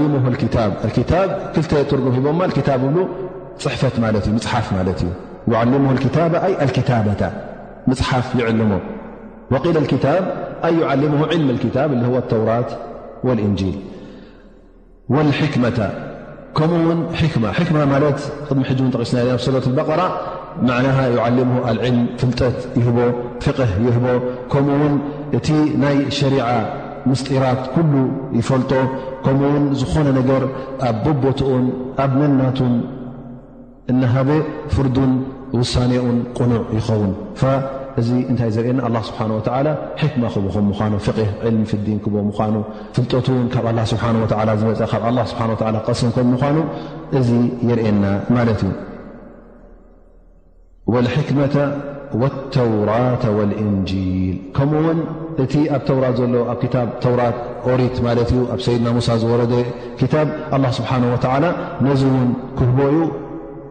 ክፈልጦ እዩ ኩሉ እቲ ተውራት ኩሉ ትሕዝትኡ እውን ክፈልጦን ክመሃሮን እዩ ከምኡ ውን እንጂል ክወሃብ እዩ እዚ እንጂል ድማ ዓይና እዩ እቲ ናብ ሰይድና ዒሳ ዝወረዘ ክታብ ማለት እዩ ስለዚ ሰይድና ዒሳ ሕጂ ኩሉ እቲ ፍልጠት ቀሲሙ ማለት እዩ ክፅሕፍ እውን ክኢሉ ከምኡ ውን ተውራት ዝሓለፈ እቶም በኒ እስራኤል ዝኣመኑን እቶም በኒ እስራኤል ዝኸድሉ ዝነበሩ ሸሪዓን እሱ እውን ኩሉ ክፈልጦ ከም ምኳኑ ኣብ ርእሲኡ እውን እንጂል ዝበሃል ክታብ ሓድሽ ክታብ ንኡ ብዝያዳ ክወርዶ ከም ምኳኑ ኣላ ስብሓን ወተዓላ በዚ ነገር እዚ የበስራ ኣሎ ማለት እዩ ንስትና መርም ኣብ ርእሲ እዚ ኸ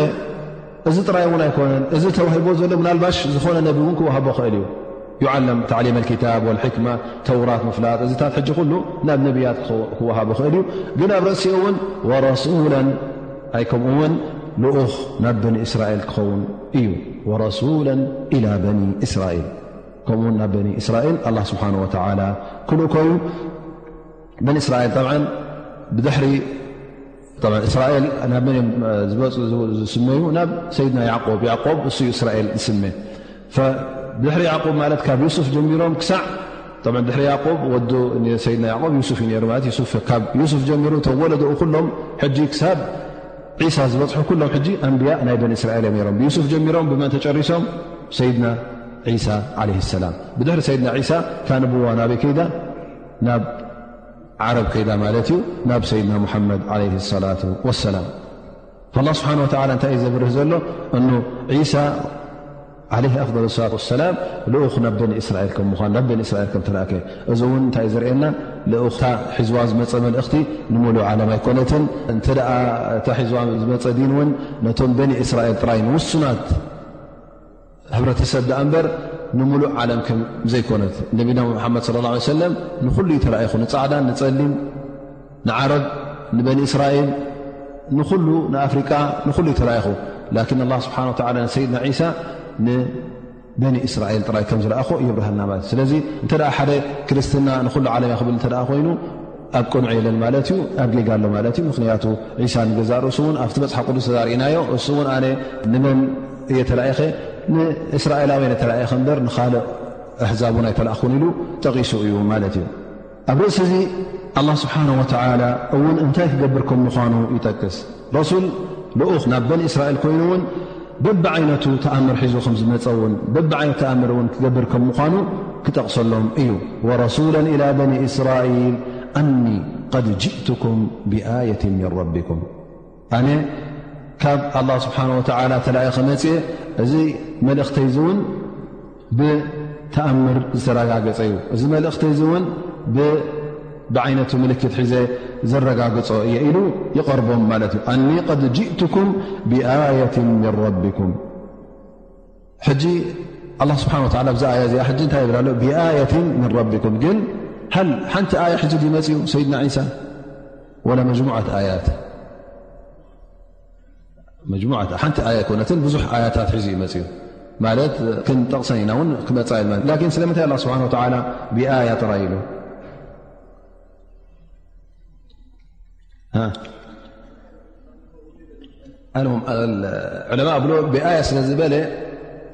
እታ ጉዳይ ሳሕ በቢ ዓይነቱ ኣያታት ሒዙ መፅኡ ግን ንሓንቲ ጉዳይ እያ መፅያ እቲ ኩሉ ኣያታት ንሓንቲ ጉዳይ ስለ ዝኾነ እሳ ድማ ልኡኽ ከም ምዃኑ ንመረጋገፂ እያ ስለዚ እሳ ስለ ዝኾነት ኣያ ጥራይ ኢሎም ጠቒሶማ ይብሉ ኢዘ ላ ስብሓን ወላ ይበይን እኑ ኣኒ ቐድ ጅእትኩም ብኣየት ምን ረቢኩም ምልክትን ተኣምርን ካብ ኣላ ስብሓን ወላ ሒዘ መፅ ኣለኹ ሓደ ካብኡ أني أخلق لكم من الطين كهيئة الطير فأنفق فيه فيكون طيرا بإذن الله بإدي يب بعلي ب أن يحو ن رر فر ر فر نت بر لكع كم مل ي ر ر ف بل فق الله سبحانه وتعلى ر ጭሩ ኮይና ትበርር ኢሉ ሰይድና ዒሳ እውን ጠቒሱ ስለዚ እንታይ እ ዝገብር ነሩ ሰይድና ዒሳ ልክዕ ከምዛ ዝበላ ጭሩ ምስ ገብር ብጭቃ ገይሩ ይሰርሓ ማለት እዩ ከም ጭሩ ምስ ኮነት ኡፍ ይብላ እናርኣየዋ ከለዉ ሰብ ትበርር ነራ ይብሉ ስለዚ እታ ዝገብራ ዝነበረ እውን ይብሉ እታ ዝገበራ ጭሩ እውን እንታይ እያ ነራ ፋሽ ፋሽ እንታይ እዩ መንካዕ መንካዕ በሃል ኹፋሽ ምንካዕ ማለት እዩ ስለዚ ስለምንታይ ከመንካዕ ይብሉ ዕለማ እዚኣ ስለምታይ ካብዚ ሉ ስለምንታይ መንካዕ ተመሪፃ መንካዕ ብዙሕ ተኣምር ኣለዋ ይብሉ ን እንቃቑሖይ ትወልድን እያ መዓኑ ጭሩ እያ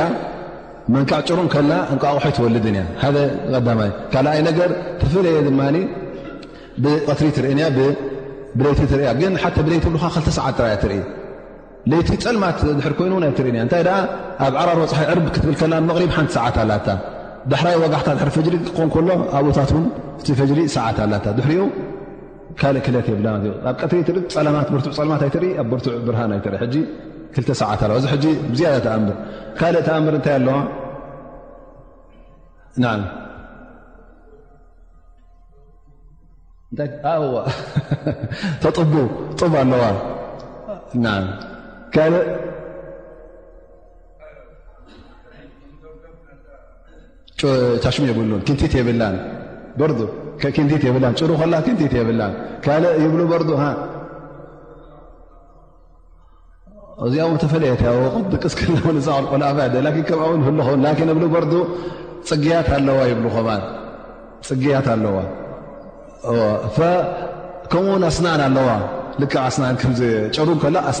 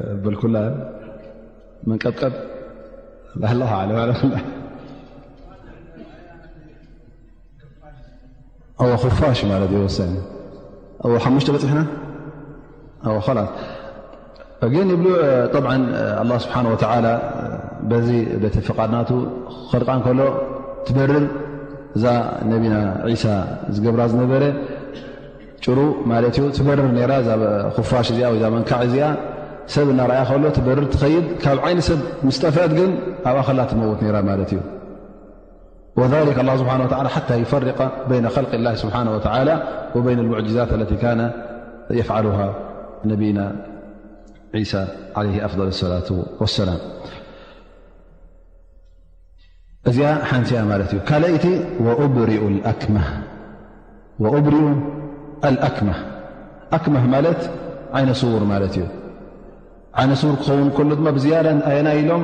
እቲ ብዕውር እተወልደ ዳሕራይ ዝዓወረ ማለት ኣይኮነን ምክንያቱ ኣይናይ ከብድ ሕጂ ብዕውር ተወልደ ንክትፍውሶ ከቢድ እዩ ግን እንተ ሓደ ሰብ ይርኢ ነይሩ ኮይኑ ዳሕራይ ዝዓወረ ብዙሕ ዓይነት እዩ ዝፍወሳሎ ዘይፍወሳሎ ዳሕራይ ዝዓወረ ሰብ ክፍወስ ቀሊል ስለ ዝኾነ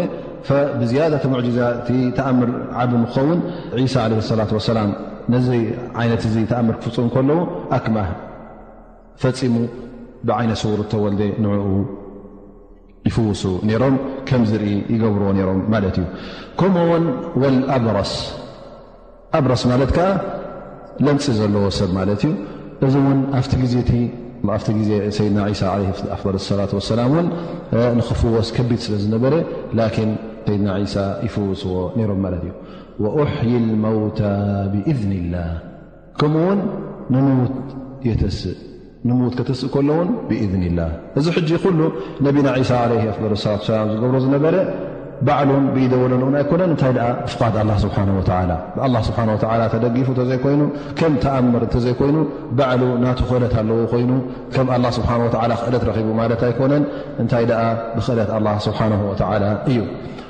እቶም ዘሕወዮም እውን ይብሉ ዕለማ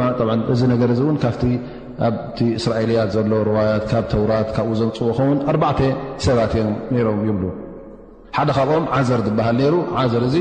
ዓርኩ እዩ ነይሩ ንሰይድና ዒሳ ሕጂ ኣብ ካልእ ዓዲ እዩ ነይሩ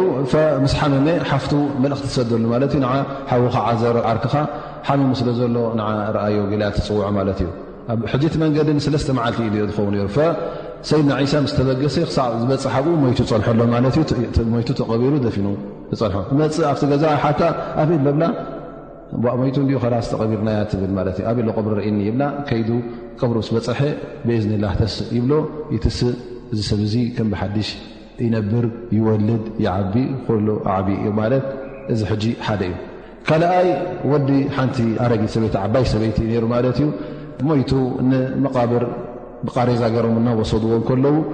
ኣብ መንገዲ ይረኽቦ ማለት እዩ እሱ እውን ሰይድና ዒሳ ምስ ረኣዮ ንዕኡ እውን ደሪዙ ብእዝኒላ ሕወ ይብሎ ይትስእ ይበራበር እታ ደቂስዋ ዝነበረ ዓራት ቃሬዛ ተሰኪምዋ ንገዛ ይምለስ ይብሉ ሳልሰይቲ ይብሉ ሓንቲ ጓል ሓደ ዕሽሪት ዝበልዕ ዝነበረ ማለት ዩ ሓደ በላዕ ዕስሪት ማለት ዩ ካብ ሰብ ዕስሪት ዘሚት ኹን ወይ ከዓ ኣልመሆም ካብቶም ዕሽሪት ዝበልዑ ዝነበሩ ማለት እዩ ሓደ ካብኦም እዩ ነይሩ ጓሉ ንእሽተይ ሓሚማ ትመውት ማለት እዩ ምስ ሞትት ንዓ ውን መፅኡ ብእዝንላ ሕወ ይብላ ተዓቢ ትሓዊ ትወልድን ትዝምድን ማለት እዩ ራብዓይ መን ዩ ሳም እብኒ ኖሕ ወዲ ሰይድና ኖሕ ተኸይል ኣን ሕጂ ኖሕ ክንዲ ሸይ ኣሽሓት ዓመታት እዩ ዘሎ ማለት እዩ እዚ ኩሉ ሕጂ ተኣምር ንመን እዩ ነቶም ምእማን ኣብዮም ዘለዉ ደናቑር ማለት እዩ ንበኒ እስራኤል እቲ ኣሚኑ ዘሎ ኣሚኑ እዩ ዝኽሉ የድልዮን እዩ ግን እቲ ዘይኣመነ እዩ ሽግር ተረኺቡ ዘሎ ማለት እዩ ሕጂ ኣብ ቀብሪ ሳም እብኒ ኖሕ መፅኡ ንሳም እብኒ ኖሕ ተስእ ኢሉ ብእዝኒ ላኽ ተስእ ይብሎ ማለት እዩ ይትስእ ማለት እዩ ምስ ተስእ ምስ ተበራበረ ይብሉ ግዜ ሰይድና ኖሕ ኣብ ወላዱ ገሌ መለኡስ ሽበት ኣይነበረን ግን ምስ ተስአ ፍርቂ ርእሱ ይስይብ ይብሉ መሸይኡ ድማ እንታይ እዩ ዮም ኣልቅያማ ዝተስአት መሲልዎ ይትስእ ማለት እዩ እንታይ ትረክብ ምስ በሎ ኣነ እየ ተሲእካ ብስም ላ ዓም ገለ ድዓ ምስ ገበርኩ ኣነ እየ ተሲእካ ብሎ ዒሳ ሕጂ እውን ሞት ይብሎ ማለት እዩ ይ ብሎ ክመውት ከለኹ ሸርጠለኒ ይብሎ ሰካራተልሞት ክሕዘኒ ይደሊ ን ሕጂ እንታይ ትርእካ እዚኣ ድማ ሰካራተልሞት ዓዚም ዓብ ስለዝኾነ ከቢድ ስለዝኾነ ዩ ዘርእካ እዞም ኣርባዕተ ሰብ እዩ ሰይድና ዒሳ ካብ ሞት ኣተሲእዎም ይብሉ ወልዑለማእ እንታይ ይብሉ ብዛዕባ እዚ ጉዳይ እዚ ኩሉ ኣላ ስብሓን ወተዓላ ኣንብያእ ክሰድድ እንከሎ ነብያት ክልእኽ እንከሎ ንኹሉ ነቢ ተኣምር ክህቡ እንከሎ ምስቲ ኩነታት ዝሰማማዕ ተኣምር ይህቦ ፈተተናሰብ መዓ ኣህሊ ዘማን ኣብ ግዜ ነቢና ሙሳ ለ ሰላም እንታይ ብብዙሕ ነይሩ ማለት እዩ ብዛዕባ ናይ ስሕር ብዙሕ ነይሩ ማለት እዩ ነዚ ነገር እዚ ድማ ንኸብጥል ሰይድና ሙሳ ለ ሰላም ዝተላእከ ካብቲ ሳሓራ ዝገብሮ ካብቲ ጠበብቲ ዝገብሮ ዝያዳ ክእለት ዘለዎ ንዕኦም ዘገርም ጉዳይ ንኡ ተዋሂብ ማለት እዩ እታ በትሪ ክድርብያ እንከሎ ናብ ተመን ናብ ገበል ትልወጥ ኢዱ ክእት እንከሎ ኣብ ትሕቲ ትሽትሹ ፃዕዳ ኮይና ትወፅእ እዚ ኩሉ ነገራት ይገብር ነይሩ ማለት እዩ ኣብ ግዜ ሰይድና ዒሳ ድማ እንታይ ነይሩ ትብልሃት ናይ ሕክምና ነይሩ ማለት ትብልሃት ሕጂ እትም ንፉዓት ሓከምቲ ንፉዓት ፈወስቲ ዝበሃሉ ዝነበሩ ንሶም ክገብርዎ ዘይክእሉ ናይ ሕክምና ጉዳይ ንመውት ምትሳእ ሞት ዝተስእሰበ ሓኪም ኣሎ ክሳዕ ሎም እውን ኣይተረኣየን ኣይኮነን ኣብቲ ግዜኦም ሕጂ እውን የለን ከምኡ ውን እዚ በብ ዓይነቱ ሕማማት ንዕውር ተወልደ ክሓዊ ወይ ከዓ ንጭሩ ካብ ጭቃ ሰሪሑ ኡፍ ኢሉ ሂወት ክህባ እቲ ለምፂ ዘለዎ ሰብ ንክፍወስ ኣብቲ ግዜ ትውፍወስ ኣይነበረን እዚ ኩሉ ነገር ኣርዩ ኣብ ግዜ ነቢና ሙሓመድ ስ ሰለ እውን እቲ ዓብ ብልሓትቲ ብዝያዳ ተገዳስነት ዝግበሩ ዝነበረ ናይ ምንታይ ነ ማለት እዩ ናይ ቋንቋ ክእለት ዘረባ ናይ ግጥሚ ናይ ኽጡባ ናይ ከም ዝኣመሰለ ስለ ዝነበረ ኣላ ስብሓን ወተዓላ እቲ ሓደ ካብ ተኣምራ ዝገበሩ ዓብ ተኣምር ዝሃቡ ክታብ ቁርን ኮይኑ ማለት እዩ እቲ ሒዝዎ ዝመፀ ፍልጠትን ትሒዝዎ ዝመፀ ቁም ነገርን ትሒዝዎ ዝመፀ ኣሰኳኹዓ ኣያትን ኣሰኳኹዓ ቃላትን ኩሉ እዚ እቶም ኣብቲ ግዜ እቲ ዝነበሩ ክገብርዎ ውን ኣይከኣሉን ሓ ወተላ ውን ተ ክእለት ኣለኩም ኮይኑ ወላ ሓንቲ ሱራ ወላ ሓንቲ ኣያ ወላ ሓንቲ ኣምፅኡ ኢልዎም ክገብርዎ ኣይከኣሉን ማለት እዩ ላ ስብሓን ወተላ ኩሉ ግዜ ነቢይ ክልእኽ ከሎ እቲ ንዑ ዝቦተኣምር እንታይ ነይሩ ኩሉ ግዜ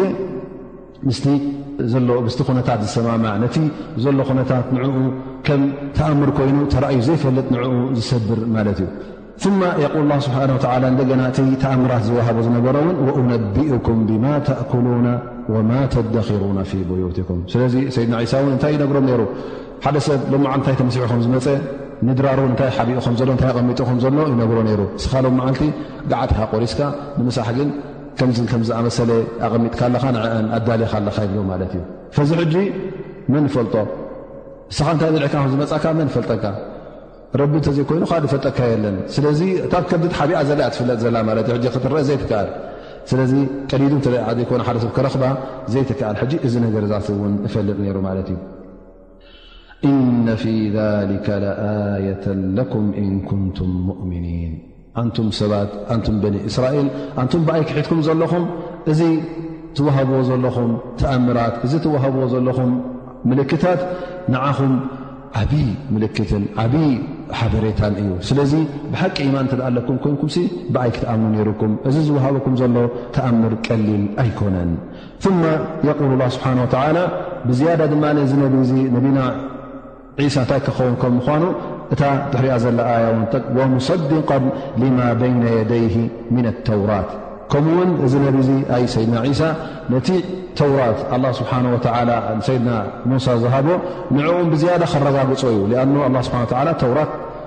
ንዕኡ እውን ከፍልጦ ምዃኑ ተውራት ሒዙ ክመፅእ ከም ምዃኑ ኣብ ርእሲኡ እውን ነዚ ተውራት እዚ ክረጋግፆ እዩ ኣብ ርእሲኡ ድማ እንጂል ሂብዎ ኣሎ ኢልና ወልኡሒለ ለኩም በቲ እንጂል ገይሩ ድማ እቲ ኣብ ተውራት ገለገለ ነገራት ኣላ ስብሓን ወተዓላ ሓሪምዎ ዝነበረ በቲ ሓድሽ ክታብ ዝወረደ እውን ነቲ ገለገለ ኣብ ግዜ ሰይድና ሙሳ ተኸልኪሉ ዝነበረ ከም በዓል ገለገለ ዓይነት ብልዕታት ስብሒ ዝኣመሰለ ገሌታት እውን እዚ ከፍቅደሎም ከም ምዃኑ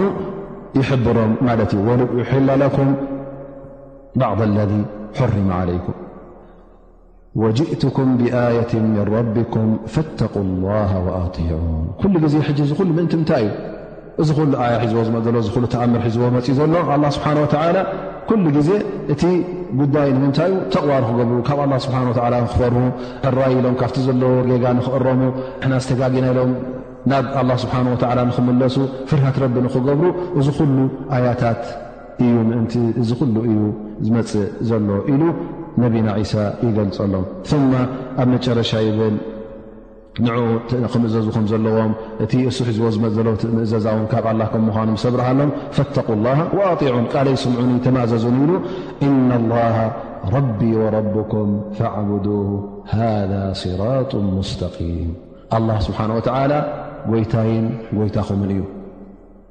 ኣነ ማለቱ ኣነ እሱ ጎይታ ከምዘይ ኹም ምኳኑ ክእዛረብ ኣሎ ማለት እዩ ኣነ ንዓይ ዝኸለቀን ኣነ ዝምእዘዞን ኣነ ዘምልኾን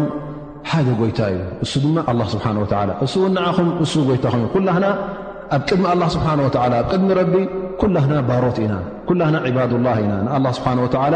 ንግዛእን ንኣላ ስብሓን ወተላ ነምልኽን ኢና ስለዚ ንዕኡ ነምልኽ ኣነ ንኡ የምልኽ እስኹም ንኡ የም ኩላህና ሓደ ኢና ንብፅሖ ኢሉ የብርሃሎም ማለት እዩ ሃذ ስራጡ ሙስተቂም እዚ እዩ እቲ ቕኑዕ መገዲ ንኡ ተኸተሉ እዚ እዩ እቲ ናብ ጀና ዘእቱ መገዲ እቲ ሒዘኩም መፅኦ ዘለኹ እቲ ኣላ ስብሓን ወተዓላ ዝፈትዎ መገዲ ንዑ ኣብዛ ቕንዕቲ መገዲ ቐኒዕኩም ኪዱ ምሳይ ኢሉ ነቶም በኒ እስራኤል ይፅውዖምን ዳዕዋ የካይደሎምን ማለት እዩ ድሕሪ እዚ እንሻ ላ ዛኣያ እዚኣ ድሕሪያ ትመፅእ ሎም መዓልቲ ቀይና ኢና ግን እንሻ ላ ዝመፅ ዘሎ ሰሙን ንምልኣ ማለት እዩ ደርስና ናይ ሎም መዓልቲ በዚ ድምደም ኢቃማ ከይገበርና ከለና ወላ ተልወቕት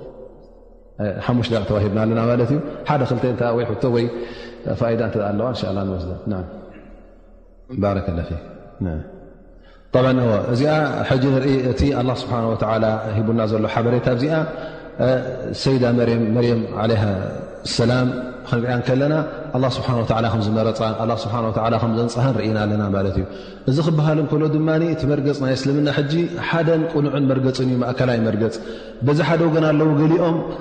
ኣይሁዳውያን እተ ርእና ንሰይዳ መርየም ከም ዘማዊት ገይሮም ይርእዋ ምክንያቱ እቲ መልእኽቲ ናይ ሰይድና ዒሳ ቅበሎ ስለ ዘይደለዩ እዚኣ እዚ ቆልዓ ዝወለደቶ ወዲ ሓላል ኣይኮነን ወዲ ሓራም ኢሎም ስለ ዘተሃምዋ በቲ ካልእ ሸነኽ ድማ እተ ርእና እሶም ሕጂ እንታይ እዮም ዝገብርዋ ዘለዉ ይፀርፍዋን የካፍእዋን ኣለዉ ማለት እዩ እዚ ሕጂ ሕማቕ ዝኾነ መርገፅ ረቢ ስብሓ ወላ ዘይፈትዎ ካብ መገዲ ዝ እቲ ካልኣይ መርገፅ ድማ ብዝያዳ ንዓ ኣኽብሮትን ንዓ ልኡልነትን ሂቦም ኣበይ ኣብፅሖማ ኣብ ክንዲ ብደረጃ ሰብ ኮይና ትነብር ልክዕ ከም ጎይታ ገይሮም ከም ልኽዋ ንሪኦም ከም ኣላ ስብሓ ወላ እውን ክሰግዱላን ድዓ ክገብሩላን ኣንቲ ማርያም ዝገበርልና ኣንቲ ማርያም ዝግበርልና ኢሎም ካብኣ ክጠልቡ ከሎ ክንሪኦ ከለና ሕጂ እዚኦም እንታይ እዮም ዝገብርዋ ዘለዉ ልክዕ ጎይታ ገይሮማ ማለት እዩ ግን እቲ መርገፅ ናይ ኣስላማይ ማእከላይ መርገፅ ኣላ ስብሓን ወተላ ዝሓበሮ መርገፅ ኣይ ንዓ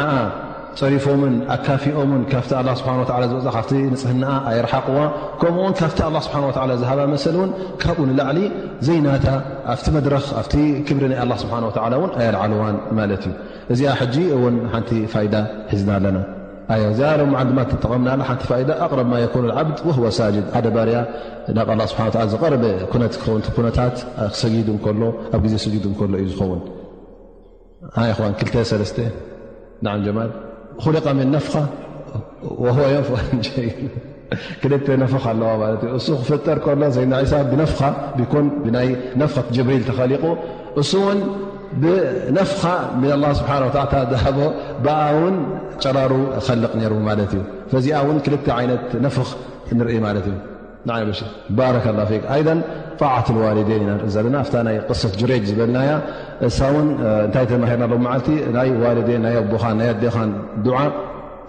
ከቢድ ስለ ዝኾነ እቲ ሰናይ ጠጥዑን ዱዓ ካብኦም ጥራይ ክትፅበ ኣለካ ከም እቲ ዱዓናቶም ድማ ንኩሉ ግዜ ኣብ ናይ ር ንክኾነልካ ተቓለስ ማለት እዩ ን ካብቶም ህፃናት ድማ ብህፃናቶም ከሎ ተዛረቡ ድማ ሓደ ኣለና ኣብ ሕቕፍ ዲኡ ከሎ ገና ከም ተኣምር ኮይኑ ከም ተዛረበ ከምኡውን ሰይድና ዒሳ ከምኡውን እቲ ጅረይድ ትህማ ዝገበርሉ ወዲ ካይ ወዲ ሓራም ዝተባህለ ማለት እዩ ሰለስተ